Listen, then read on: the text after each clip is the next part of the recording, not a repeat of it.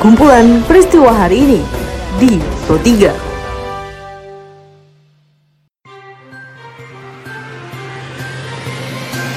Halo pendengar, selamat berjumpa kembali di podcast Pro 3 RRI dengan kumpulan peristiwa apa saja yang terjadi pada hari ini. Pada podcast kali ini saya akan mengulas isu-isu aktual yang saat ini masih hangat juga ramai diperbincangkan di sekitar kita. Tentu saja pendengar, nanti akan saya hadirkan cuplikan informasi dari reporter kami. Saya Tika Nantia, inilah kumpulan peristiwa Pro 3 di ruang dengar Anda. Pendengar sebelum saya masuk ke dalam beberapa isu aktual yang akan saya hadirkan sesaat lagi, seperti biasa, saya mengundang Anda terlebih dahulu untuk mampir ke laman berita kami di rri.co.id. Anda juga bisa follow sosial media kami di Instagram, Twitter, juga Facebook dengan mengetik at RRI Programa 3 di kolom pencarian Anda. Dan Anda boleh sekali untuk berkomen di sosial media kami. Pendengar rapat koordinasi pengawasan intern pemerintah tahun 2020 resmi dibuka oleh Presiden Joko Widodo secara virtual dari Istana Merdeka pada 15 Juni 2020 kemarin.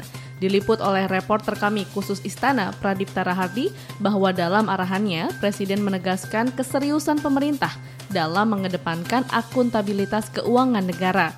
Oleh karenanya, Presiden mengingatkan kepada aparat negara agar tidak ragu dalam menindak tegas para koruptor terkait dengan COVID-19. Saya ingin tegaskan bahwa pemerintah tidak main-main dalam soal akuntabilitas. Pencegahan harus diutamakan, tata kelola yang baik harus didahulukan. Tetapi kalau ada yang masih membandel, kalau ada niat untuk korupsi, ada menstrea, maka silahkan Bapak Ibu digigit dengan keras. Uang negara harus diselamatkan, kepercayaan rakyat harus terus kita jaga. Tugas Bapak Ibu dan saudara-saudara, para penegak hukum, kepolisian, kejaksaan, KPK, penyidik, pegawai negeri sipil adalah menegakkan hukum. Tetapi juga saya ingatkan, jangan menggigit orang yang tidak salah. Jangan menggigit yang tidak ada menstrea, juga jangan menebarkan ketakutan kepada para pelaksana dalam menjalankan tugasnya. Pendengar pemerintah pusat memutuskan hanya daerah dengan status zona hijau yang diperbolehkan untuk membuka kembali sekolah dan juga memulai kegiatan belajar mengajar tatap muka. Diliput oleh reporter kami Rini Hairani, Menteri Pendidikan dan Kebudayaan Nadiem Anwar Makarim mengatakan, walau demikian, pemerintah daerah setempat harus memperhatikan protokol kesehatan saat kegiatan dilakukan.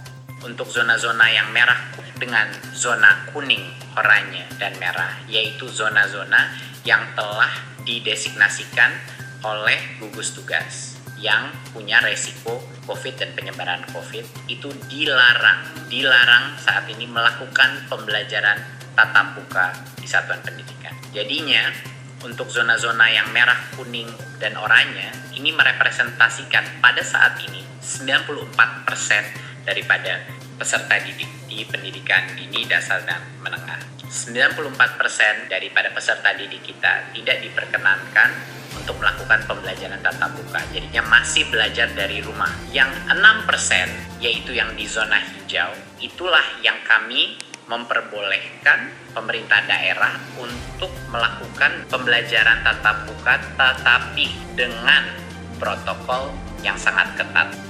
Kita beralih ke informasi lainnya pendengar. Kali ini informasi datang dari lingkungan Komisi Pemberantasan Korupsi atau KPK, di mana ada dua tersangka kasus penyiraman air keras terhadap Novel Baswedan. Ini telah dituntut oleh Jaksa Penuntut Umum dengan hukuman satu tahun penjara. Dan hal ini diliput oleh reporter kami Khairul Umam dalam diskusi khusus berjudul Menakar Tuntutan Jaksa dalam kasus Novel Baswedan.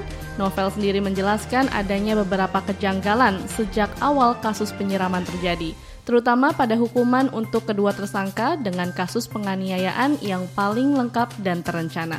Dan puncak keanehan dan saya katakan uh, di beberapa kesempatan penyampaian saya ke publik puncak carut marutnya adalah ketika kemudian kedua terdakwa ini dituntut dengan tuntutan satu tahun.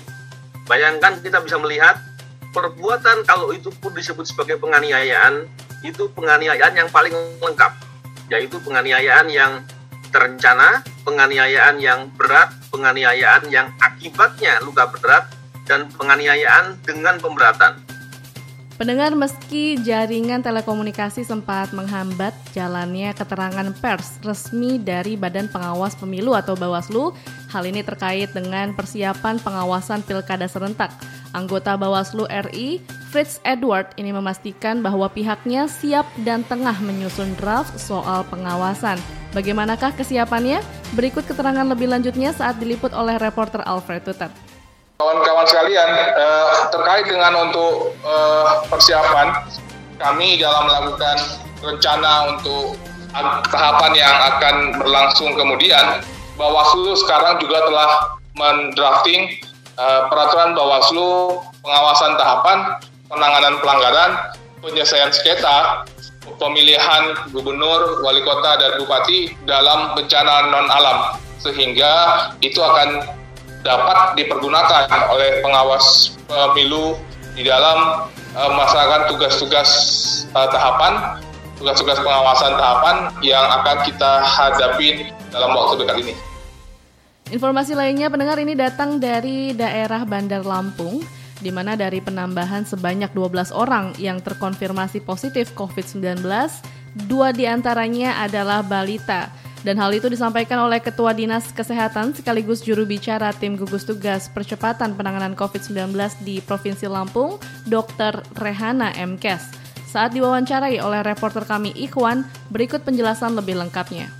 Pasien terkonfirmasi positif. Ada penambahan 12 kasus positif. Dari Bandar Lampung ada 9 orang yang semuanya merupakan orang tanpa gejala. Dari Lampung Utara 2 orang, satu OTG dan satu orang dirawat di rumah sakit Abdul Muluk di ruang isolasi. Dari Pesawaran ada penambahan satu kasus juga merupakan orang tanpa gejala. Pasien kami nomor 154 laki-laki anak 4 tahun dari Bandar Lampung. Pasien nomor 155 perempuan 33 tahun dari Bandar Lampung. Pasien 156 juga merupakan seorang anak 2 tahun 8 bulan laki-laki juga dari Bandar Lampung.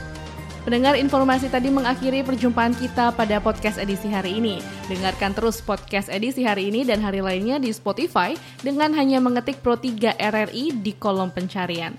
Pendengar, tetaplah menjaga jarak, ikuti protokol kesehatan dengan baik, dan teruslah mengikuti berita terupdate di Pro 3 RRI.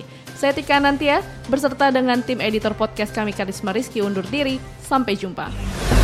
Jalanan Ibu Kota DKI Jakarta masih Kumpulan peristiwa hari ini di Pro 3.